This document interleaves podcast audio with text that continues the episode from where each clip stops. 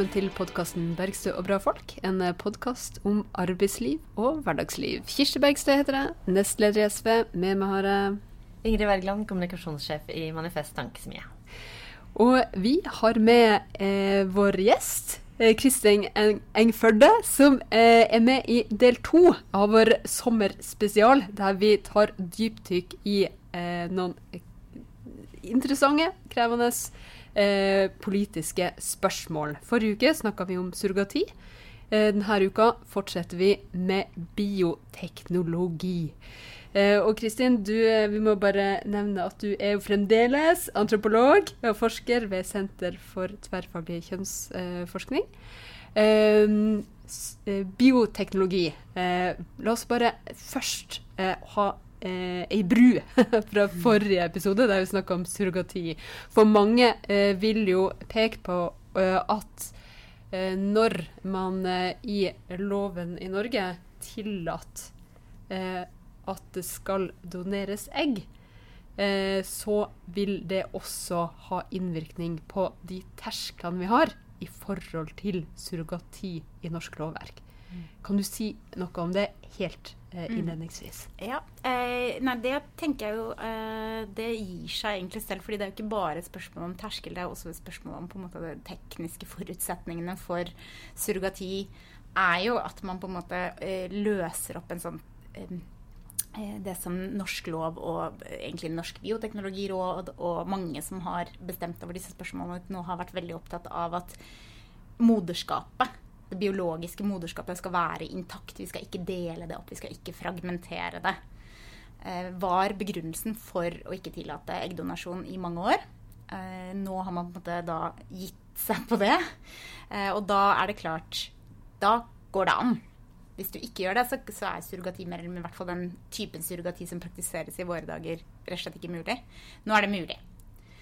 Eh, og det tenker jeg jo vil påvirke eh, debatten om surrogati. Jeg tenker at det samtidig er liksom viktig å ikke se for seg at eh, det er en sånn slippery slope at hvis du sier ja til det ene, så bare kommer det andre av seg mm. selv. Det, sånn har det egentlig ikke vært. Sånn, det har vært veldig mye moralsk panikk, om jeg får lov å kalle det det, rundt det helt siden man starta med assistert befruktning.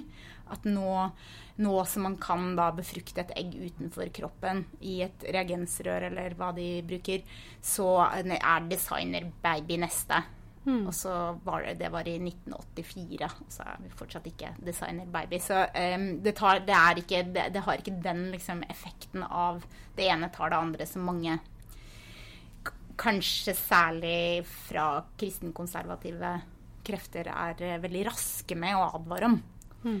Så jeg tenker jo at man eh, selvfølgelig må ta inn over seg, og at det er et faktum, at eh, eggdonasjon på en måte fasiliterer surrogati. Men det medfører det jo ikke. Men det kan jo gjøre at man må eh, ha et lovverk som også tar høyde for det? Det har man jo. På sikt. Ja. Lovverket eh, er fremdeles helt klart i Norge når det gjelder surrogati. Eh, det er ikke anledning til å eh, skrive kontrakter som overfører foreldreskap. Som overprøver barneloven. Så barneloven gjelder, og man kan ikke skrive private kontrakter. Jeg tenker Det er der det det er på en måte der det står. Der ligger det. Og vi har jo egne regler både for, for, for det at det er jo to, to sider. Det ene er jo adopsjon òg, mm. og det andre er jo eggdonasjon og, og, hva som er tillatt i forhold til surrogati i Norge. Men veldig mange vil jo se de, de debattene i sammenheng eh, med hverandre, fordi at det ene så tydelig har forhindra det andre. Men det er jo langt flere eh, dilemmaer og spørsmål knytta til bioteknologi. Ja, og du har jo, altså Nå har vi jo allerede sagt at du har forska på surrogati, men du har jo også et, eh, et, annet forskningsprosjekt som du jobber med nå, som mm. handler om nedfrysing av egg av ikke-medisinske grunner. Mm. Eh, siden, eh, For å ta det første først. Eh, eh, hvorfor fryser man egg av medisinske grunner? Det er vel typisk at man en, får en kreftdiagnose som er knytta til reproduktive organer eller reproduktiv evne av andre grunner, eller andre typer diagnoser som setter på en måte fruktbarheten din i fare i en fase av livet hvor man ikke har fått de barna man ønsker foreløpig. Da, har, da har det vært åpning for å fryse ned? Det har vært tillatt, og det har også vært finansiert av eh, norske myndigheter. Altså, det har vært tatt over helsebudsjettet. At, eh, at vi antar at folk gjerne vil ha barn, og vi syns de skal få det. Så hvis de på en måte får en sykdom som, som setter det i fare, så er det da spanderer vi det. Så da fellesskapet spanderer at man fryser ned de eggene. Men hvis man får en nå, nå er det mange ulike sykdommer man kan ha, som du sier. Men vil man da kunne bære fram sitt eget barn på et senere tidspunkt? Er det det man tenker, da? Eller? Det er det man tenker. At du tar ut Det er vel, så vidt jeg har forstått, så er det ofte med kreftbehandling at det er behandlingen ødelegger fruktbarheten. Så ja. tar du ut eggene. Eh, hvis vi tar det eksempelet, da, så tar du ut eggene før du setter i gang den eh, risikofylte behandlingen. Og så fryser du dem ned et annet sted, og så kan du hente dem opp og lage barn eh, med assistert befruktning Mm. i prøverør seinere. Nettopp. Og dette har man holdt på med en god stund? Det har vært mulig. Det er ikke så veldig lenge siden man ble i stand til å fryse sperm. Har man jo fryst i årtier. Eh, Det har vært lett med den teknologien man hadde, eh, mens egg gikk i stykker av den gamle fryseteknologien. Men en ny fryseteknologi som de begynte vel å bruke sånn for drøye ti år siden, tar vare på eggene. Altså, er de, det, de har, de, tåler det. har de skjønt en bedre temperatur, eller hva er det, hva er det de driver med? Det, det er noen tekniske Det heter eh, vitrifikasjon. Og det har noe med at du sprøyter inn noe væske. Jeg har ikke egentlig satt meg så mye inn i det. er ikke det er- de sidene av dette som er interesserer meg mest. er. Temperatur på den. Vi tar tempen på eggene. Nei, men eh, ok. Men da over til ditt prosjekt, da. Som handler om de som da skal fryse ned av ikke-medisinske grunner. Eh, fortell om det. Ja, eh, det var jo en av de eh, tingene som ble endra, eller lovene som ble endra i denne store eh, oppvasken som vi hadde for noen måneder siden med bioteknologiloven, hvor eh, bl.a. eggdonasjon ble lov. Det fikk ikke så mye oppmerksomhet. Det drukna litt i de store spørsmålene. Men dette har også vært diskutert i liksom, de kretsene som har interessert seg for disse spørsmålene en stund. Dette har du forska på allerede. ja, altså de, eh, eh, det var eh, ikke lov av forskjellige grunner som hadde med Stort sett med det man anså som sånn type etiske kvaler. Eh, nå har det på en måte blitt lov til Eller hva skal jeg si eh, det, det var interessant at de problemene som man så med dette, på en måte ikke Man hadde ikke tid til å snakke om det i denne runden, så det på en måte bare blei med i eh, den store sjauen. Eh, og nå er nå tillatt. Det er ikke lenger altså det, er ikke, det er ikke som med medisinsk nedfrysing at uh, samfunnet skal spandere det. Det må man betale for selv, men det er på en måte blitt lov for klinikkene. da. Å tilby kvinner som ikke egentlig har noen grunn til å frykte for fruktbarheten sin, men som tenker at de enten har bestemt seg for at de skal få barn seinere, eller at de tenker at det tidspunktet hvor de eventuelt da kan sette i gang med å prøve å få barn, da er det en risiko for at fruktbarheten vil være redusert. Så det er bedre da å eh, på en måte i, ta vare på den fruktbarheten som er her og nå, og så eh, spare den, fryse den. For nå kan vi jo minne våre lyttere om fruktbarheten. Den eh, kvinners fruktbarhet den eh, faller jo. Når er den begynner å falle? Det er litt forskjellig som sies om det, og det har blitt kritisert at det finnes en slags sånn derre eh, jeg bruker ordet moralsk panikk igjen. Ja. Det, eh, at det er sånn å, de venter, kvinner venter altfor lenge, og etter at du er 30 eh, Jeg har snakka da med faktisk en god del nå i forbindelse med det nye prosjektet snakka med eh, kvinner rundt 30 som eh, på en måte har hørt så mye på disse advarslene at de tror at det er fare på ferde allerede. Mens jeg tror vel at det som er godt dokumentert, er at fra 35 og utover så begynner det fallet ganske sånn radig nedover. Til vi omtrent ti år før overgangsalderen ikke lenger kan regne med å bli gravid i det hele tatt. Altså øh, til De fleste er Det er vanlig å tenke at Ja. man eh, ca. ti år før siste menstruasjon Ja. så slutter du å være så fruktbar at du kan regne med å få barn. Så er det jo, hører man jo stadig vekk om folk som får barn i 40-åra. Det skjer jo det også. Så det, det, er jo ikke ikke noe lov som sier det. Nei. Og det er heller ikke så lett å vite fordi det er så individuelt Så vet du ikke når du har siste menstruasjon om ti år? Nei, det vet du jo ikke før om ti år. Det ble forvirrende så her. Eh, det er jo på en måte det her som er det store dilemmaet og den store utfordringa knytta til fruktbarhet. At det er så veldig mye vi ikke vet, og det er så mye usikkerhet forbundet med det. Så dette her med å fryse ned eggene jo, kan jo også forstås som en måte å deale med en sånn type usikkerhet. Jeg syns det høres ut som en veldig god måte å tjene penger på. For her er jo en usikkerhet som virkelig er, er, er har, har befesta seg. Eh, og, og veldig mange tenker sånn Oi, eh, har ikke funnet noen å få barn med. Eh, veldig, Jeg begynner å ha fylt 30 år. og, så, eh, og så tenker man sånn Å nei, nå har jeg fått drømmejobben. Passer ikke på mange år. Eller den type ting. Eh, og da må det være utrolig dyrt å lagre de her. eh, altså det, selv om de sikkert ikke tar mye plass, så er det jo sikkert en viss teknologi og, en, og, og noe utstyr som eh, sikkert er kostbart å leie, da. Eller hvordan er det?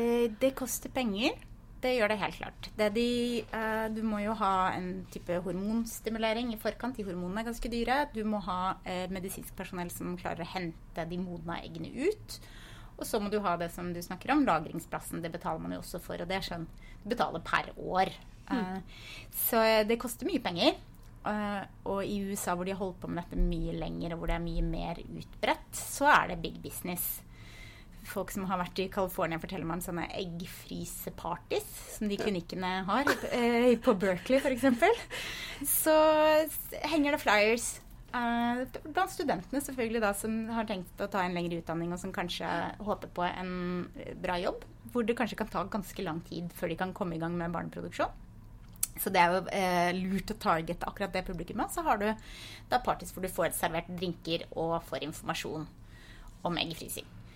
Jeg husker Google eh, hadde vel en sånn der, eh, tilbud til sine kvinnelige ansatte at det var en del av kontrakten. At du kunne få det, var- du, får, du får god pensjon, og du får uh, gratis ja. Ikke bare Google, det var også Facebook og Apple, og hele Ja. pakka har tilbudt det. Så Ligger det da business. som et sånn kriterium at du ikke skal få barn mens du jobber der? For jeg tenker I et sånt tilbud så ligger det også en liten kanskje forventning. Det kan du si. Ja. Det, jeg, jeg kan ikke tenke meg at det er lov å skrive i en kontrakt at man ikke får lov å bli gravid. Men du kan, du kan jo gjøre det til en kultur på arbeidsplassen. Absolutt. legge til rette for det. Ja, du kan legge det. Ja, og det her er jo en sånn ting som har blitt reist som, men som f.eks. Bioteknologirådet hadde i sin uttalelse om dette for fem-seks år siden, var jo liksom Det er mye viktigere for oss å håndtere som samfunn da, å håndtere dette at kvinner utsetter barnefødsler til de på en måte ikke er så fruktbare lenger, med å fasilitere at de får barn tidligere, enn å på en måte fasilitere at man får barn enda senere. Uh, at det i seg selv er et problem. Både, både fordi at det, det er på en måte hvem, hvem har sagt at samfunnet skal være tilrettelagt og tilpassa menns fruktbarhet og ikke kvinners fruktbare alder. Det er jo en liksom grunnleggende urettferdighet i det. Men også har det blitt reist med satt hensyn til barna. Da, at man, er det ikke bedre for barn å ha mødre som ikke er i 40-åra når de blir født? Eh, var også en del av bekymringen knytta til det her. Var det mange fine mødre i 40-åra som ikke sier noe stygt om eh, dem? ja, det var ikke jeg som sa det, var bioteknologi. Det var Kristin Halvorsen, faktisk. Og vi vet at Kristin er glad i mødre i 40-åra. Ja, sikkert. Nei, men, eh, men det er nå én ting. En annen ting er hvor, eh, hvor, hvor er garantien for at du faktisk blir gravid med disse, disse småfrosne eggene dine når du henter dem? Ja, så lurer jeg på en ting til, og det kan det vare evig? For, ikke sant? For det ene er jo garantien for Hvor lenge holder de? Ja, så, og kan man liksom når man er i 50-60-åra bare tenke sånn Nei, nå følte jeg meg klar. Det, eh, i, for eggenes del så tror jeg ikke det er et problem. Eggene holder seg. Ja. Eh, antagelig i 100 år, eller det har jeg ikke satt fødte sin oldemors barn. I familien vår så har vi en, en familie, et familiekjøleskap, og så har vi en familiegrav. Her ligger det egg til kvinner i vår slekt som vi ikke har ikke, ja. Ta vare på de beste genene. Ja. Um, eh, det er helt klart uh, lovregulert hvor lenge både du kan lagre eggene. Uh, det tror jeg, De detaljene er ikke fastsatt i den norske loven uh, riktig ennå, tror jeg. Eh, men også aldersgrense for innsetting. Eh, og den tipper jeg er den samme som aldersgrense for assistert befruktning det? generelt. Det er vel 45 år, tror jeg. Men det kan man jo endre på. Så, så biologisk sett så kan man skyve det opp, opp i I alder. hvert fall så lenge hvis det er eggene. Men eh, altså eggene blir ikke noe problem. Men livmorens evne til å bære frem barn er, varer mye lenger enn eggenes evne til å bli befrukta, men den varer heller ikke nødvendigvis evig. Så det vil være mye vanskeligere for en kvinne på 70 å få et vellykka svangerskap på den måten. Men, det skjer. Men det er nå én ting eh, at man faktisk kan, kan bære det fram, men blir Men eh, er, man er, er jo ikke garantert at egget faktisk fester seg når man setter inn et befruktet egg. Eh, nei, det var det som var ditt spørsmål. Hvor garantert er man å bli gravid? Det er man jo ikke. Eh, det, for det første så er det jo Du er jo da avhengig av assistert befruktning, i motsetning til eggene som er inni kroppen din fremdeles. De kan du jo bli gravid med på vanlig måte uten å involvere en fertilitetsklinikk. Nå blir du jo avhengig av med denne løsninga. Og der er vel suksessraten sånn 25% tror jeg, per forsøk. Så det er jo ikke så høyt. Det er eh, omtrent som gamlemåten med hensyn til eh, sannsynlighet. Men det koster jo mye mer ressurser og styr å ha et IVF-forsøk enn Gamlemåten, altså når folk Altså, ligger rett og slett å ha sex Ja. med noen eh, er jo For de fleste vil jeg tro at det er mindre hassle enn å, å sette inn et befrukta egg på en klinikk. Eh, så man har flere forsøk, da. Man orker flere forsøk. Men eh, og så tror jeg nok at man også har sett dette er for ny teknologi til at man har sånn kjempegod Ja. dokumentasjon, men at det, det er noe reduksjon i forhold til friske egg. Eh, sannsynligheten. Men eh, først og fremst så er det jo på en måte at vi vet Ingen av oss vet om vi kan bli gravide, egentlig, før vi prøver. Så eh, å selge det inn som en sånn Nå vet vi at du kan få de barna du ønsker deg om ti år. Det kan man ikke vite. Men gjør de det, de som selger sånn Eh. nedfrysing? Sier de det? Nei, det kan de jo ikke si. Det, er- så jeg har ikke sett at det har blitt solgt inn på den måten. Egentlig Snarere tvert imot så har jeg bare i Gøteborg og snakka med en klinikk der rett før koronanedstengning og rett før eh, stortingsopposisjonen fikk det for seg at de skulle herje litt med bioteknologiloven. Det gikk jo veldig fort, så jeg var ikke egentlig helt eh, Er forberedt. er det derfor du kaller det å herje? Eh, nei, jeg, eh, jeg sa det mest for å være morsom. Men jeg syns jo det var interessant eh, fordi at den norske loven har vært så innmari mye strengere enn nesten alle land man sammenligner seg med, fordi KrF har virkelig prioritert dette veldig høyt. Så var det jo litt morsomt hvor raskt eh, Frp var ute etter at de gikk ut av regjering. Det tror jeg var dagen etter. Med sånn Nå skal vi i gang! og endre denne loven. Eh, men så det skjedde jo veldig fort. Eh, Så derfor dro jeg til Göteborg for å snakke med en klinikk som Fordi før denne loven ble endra, og da jeg begynte mitt prosjekt, så var norske kvinner avhengig av å reise til utlandet for å gjøre dette. Ja. Så mitt prosjekt var ment å studere den trafikken ut av landet eh, for å fryse egg. Som nå selvfølgelig da omdefinerer jeg det til å handle om å fryse ned egg her hjemme. Passer veldig bra når du ikke kan reise noe sted med korona nå, da. At du fikk Det var faktisk ikke av alle eh, ting som kunne skjedd etter at jeg ble eh, parkert og ikke fikk gjort noe feltarbeid, så var jo korona, ja.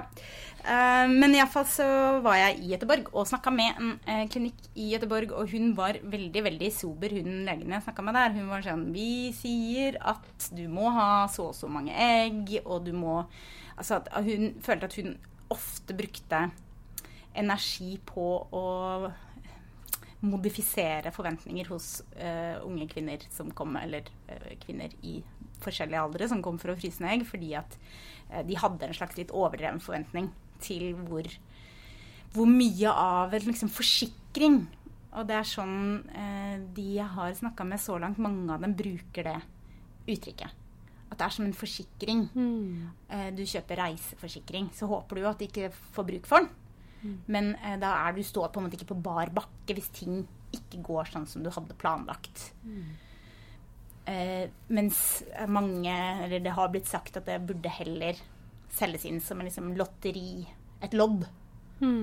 Det, det sa den legen. Eh, legen sa ikke det, men det har man hørt. Folk har på en måte villet eh, ja, Forskere At man prøver å ha en realitetsorientering. Ja, og eh, det er en Ja det er en sjanse. Ja. Det er en større sjanse enn ingen nedfryst egg, men det er ingen garanti.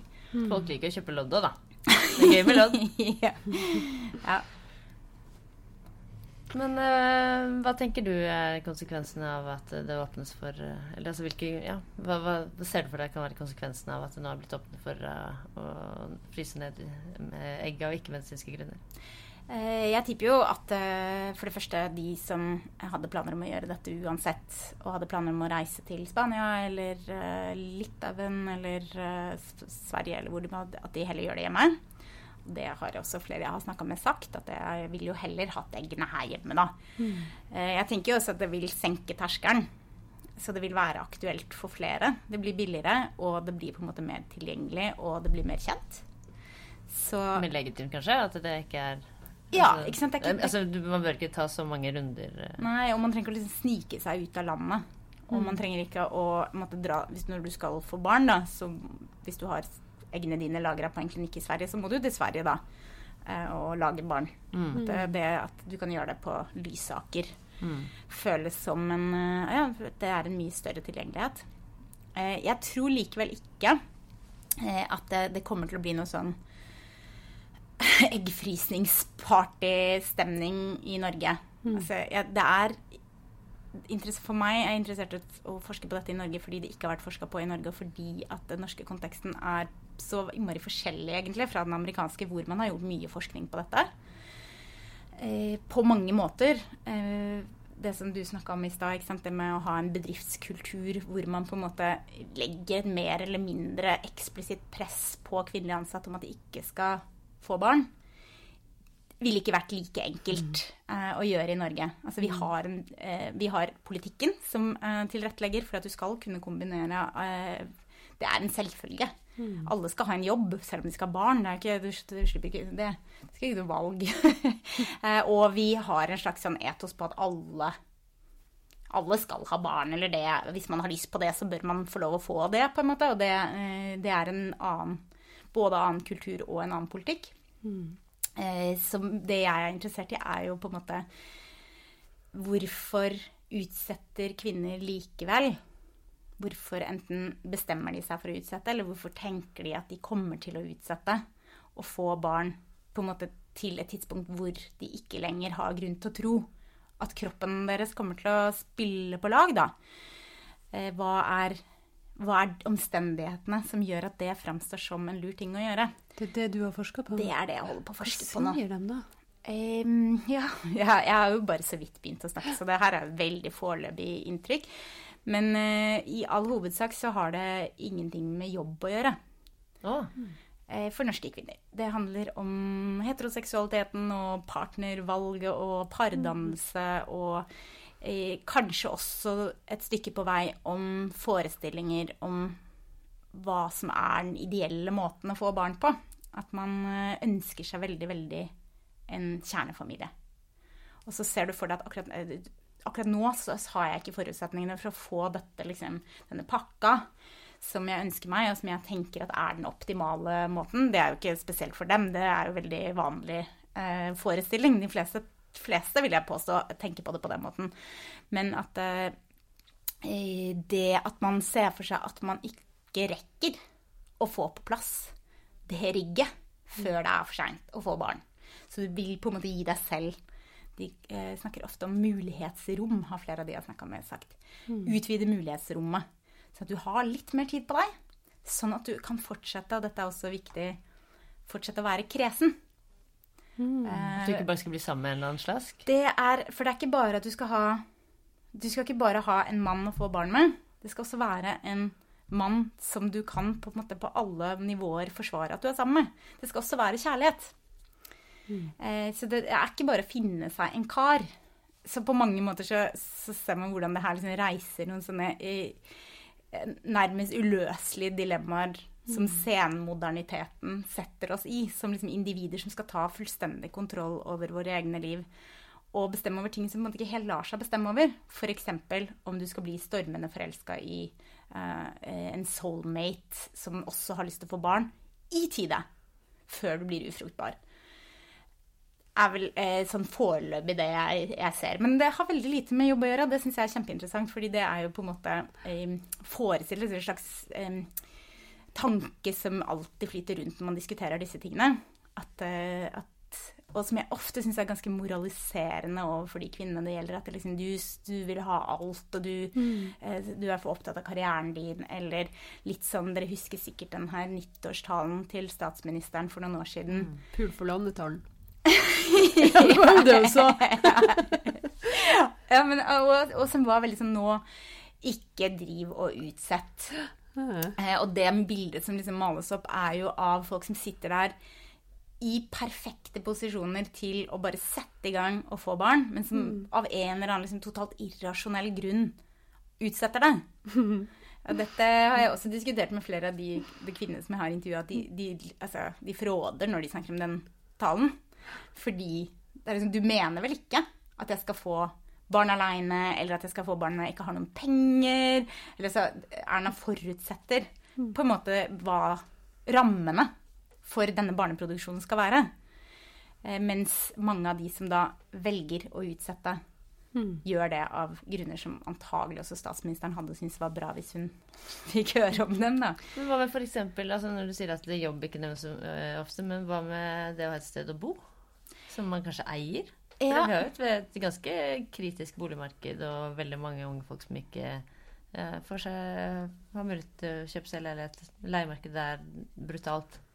Eh, ja, det tipper jeg at det er relevant for sånne utsettelser. Jeg tror bare ikke at jeg med dette prosjektet rekrutterer dem, fordi det, jeg rekrutterer jo da kvinner som potensielt eller reelt sett har råd til å betale 70 000 eller 100 000 for å det såpass mye det koster? Det koster ganske mye. Litt avhengig av hvor mange ganger man må reise. Men det, når du henter ut egg, så får du ikke nok til at klinikken garanterer at vi kan lage et barn. Så de sier du må ha minst 20 egg. Mm er et vanlig tall. Og det vanlige å få ut per uthenting er sånn seks, sju, kanskje 10. Men så det tar noen runder, da. Før du har Så det blir dyrt. Men det kan jo gjøre noe med dynamikken i eh, parforhold òg. Mm. Hvis at man eh, det er, ikke, det er jo ikke helt uvanlig at man kanskje snakker om det. Det, det kan hende at noen er litt uenige om eh, om man skal prøve for barn, når det skal skje, når det passer, og de tingene der. Mm. Så det, det, blir jo litt sånn Eh, det ene er jo hvem som har råd til å benytte seg av det. Det handler jo liksom de mellommenneskelige dilemmaene. Og mm. det tredje er jo hvordan organiserer vi samfunnet mm. etter alle de mulighetene vi får. For det er jo der bioteknologi er helt fantastisk, men også gir oss noen helt sånn grunnleggende dilemma. Mm. Det, eh, jeg tenker jo at vi må forstå akkurat dette her er jo mye mer av en sånn eh, individualisert løsning på et mer strukturelt problem. Som er mm. litt sånn som, ikke sant? Det, det handler jo om hvordan vi ser for oss hvilken rekkefølge vi tenker at ting skal skje, og eh, hva slags måte, krav som stilles til omstendighetene for å få barn. Men også liksom, har vi denne tendensen til at menn ønsker å utsette mm. barneproduksjon lenger enn kvinner. Som setter kvinner i ganske sånn sårbare Det her også liksom får betydning for dynamikken i parforholdet. For det å være den som er liksom needy og som maser om å få barn, er jo på en måte også, også kan sette parforholdet i fare. Og for de av de kvinnene som jeg har intervjua som er single, som er de fleste, så er jo det å liksom være 38 år og barnløs på et sånn ganske nådeløst uh, marked for pardannelser mm. og sjekking, eller hva man skal kalle det, er jo liksom uh, det å gå inn som en sånn ikke sant? De er kjemperedde for å være hun desperate dama mm. som bare vil ha barn. Fordi eh, det hater alle mennene. De er livredde for det. Det kan man jo forstå. Man skal forstå hvorfor man syns det er en skremmende figur som ikke har tid til å vente. Hvor hver måned Mm. Uh, hvor bare eggløsningen går til spille, er et bortkasta mål. Ja. Uh, er jo ikke, kanskje ikke de beste måte, vilkårene for å utforske mulighetene for en, uh, et parforhold. Men problemet her blir jo på en måte at Eh, her sitter på en måte menn med et slags, en, et slags overtak. Fordi at de er fruktbare mye lenger enn kvinner. Her også. Her også! eh, eh, og disse kvinnene ser på en måte ikke noe annen mulighet til å komme seg ut av den knipa enn å betale for å ha en fruktbarhet som ligner litt mer på mens. Hmm. Betale for en illusjon om kontroll. Det kan du si. Eller en mulighet Eller, senere i livet. Ja, det er, det er med en mulighet større enn null. Hmm. Lodd. Lodd. det er du absolutt. Du, tusen takk uh, for at du trakk opp uh, de spørsmålene her, Kristin, og for at du eh, gjør oss klokere med å dra oss gjennom de her, de her dilemmaene og, og forskninga di. Jeg tenker jo på, på det med at at du, sa at eh, statsministeren vil vel ikke at vi skal få barn alene, men det er jo også tillatt nå. I Det er sant. Det er sant. Uh, og jeg, jeg mente ikke å si at statsministeren absolutt ikke ønsker det. Eh, men jeg mente vel heller å si at eh, det spørsmålet om moraliseringen Nettopp. over kvinner som får barn på feil måte på feil tidspunkt og gjør feil eh, prioriteringer, Ja. forutsetter en form for liksom, kontroll over de omstendighetene som folk har ikke det. Og den moraliseringa, den er jo absolutt. For eksempel, eh, det er jo sånn at enslige forsørgere kan eh, motta overgangsstønad. Det er sånn at du kan, du kan få en utdanning eller kompetanse, sånn at du kan få fast jobb. Eh, hvis du er alene. Eh, mens hvis du nå eh, får barn med den samme person, da mister du den muligheten. Så hvis du har fått unge menn, og så, eh, og så ja, har man det hyggelig en kveld eh, uten at man egentlig lever lag eller er sammen, da er det da, da er det ikke noe mulighet for noe overgangsstønad for å kunne eh, sikre deg utdanning og forsørge ungen din. Så, så det, er jo, det er jo ikke bare mye moralsk i debatten, det er også moralisme i lovverket vårt. Men eh, det alle sitter og lurer på nå, og som man ikke fikk svar på i forrige episode når du var med, det var hva var din aller første jobb, Kristin? Jeg fikk et slags varsel om at dette spørsmålet kom til å komme. Det var sånn, eh, Hva var din første jobb? For eksempel eh, gå med avisa. Eh, og det var det. Ja. Men hvilken avis? Veldig spennende. Det var jo da selvfølgelig Aften. Aften Aften Aften, ja, som var eh, ettermiddagsutgaven som til jeg eh, fikk gå med da jeg var jeg gikk i 7. klasse, så da var jeg 13 år. Eh, og labba rundt med en sånn, eh, i, som vogn. Og så tenkte jeg at jeg skulle ha sykkelen min, men så viste det seg at sykkelen ikke klarte å holde de, po, de der sekkene, de der sykkelbagene som liksom Ja. vrengte opp. Det var helt uh, Det var så mye styr! Du måtte trille sånn der tung greie. jeg måtte ringe mamma. Du bør jo kjøre deg rundt. Ja, hun måtte kjøre meg rundt, Uh, og hun måtte levere avis. Og så møtte hun en sånn person hun hadde studert sammen med, som hun aldri kom over. Så blir det så flaut. Hun syntes det var veldig flaut. Ja. For han visste jo at hun hadde studert medisin, men så hadde hun plutselig blitt avisbud. Men det kan man ikke, det er jo ikke en situasjon du kan komme ut av. Du kan jo ikke rope jeg, jeg, jeg har ikke begynt å komme med avis, altså. Jeg er her med dattera mi. Ja. Men det gjorde jeg en høst, var jeg avisbud. Da jeg var 13. Mm. Skulle du spare til noe spesielt? Nei, eh, det var egentlig bare fascinasjonen over å ha egne penger. Altså Ja. en sånn ørliten skuffelse over at det ikke var mer eh, Ja, det er vel ikke første personen som har den Det føles som mye jobb for ganske lite, da. Ja. Mm. Føler det ble en slags rød tråd til surrogaten i India. Mm, det- Nei, det var flåste sagt. Men riktig. Men riktig. Ja. Takk for at du var med her hos oss. Takk, Takk til deg som komme. eh, hørte på. Det håper vi du fortsetter å gjøre. Og ha en riktig god sommerdag.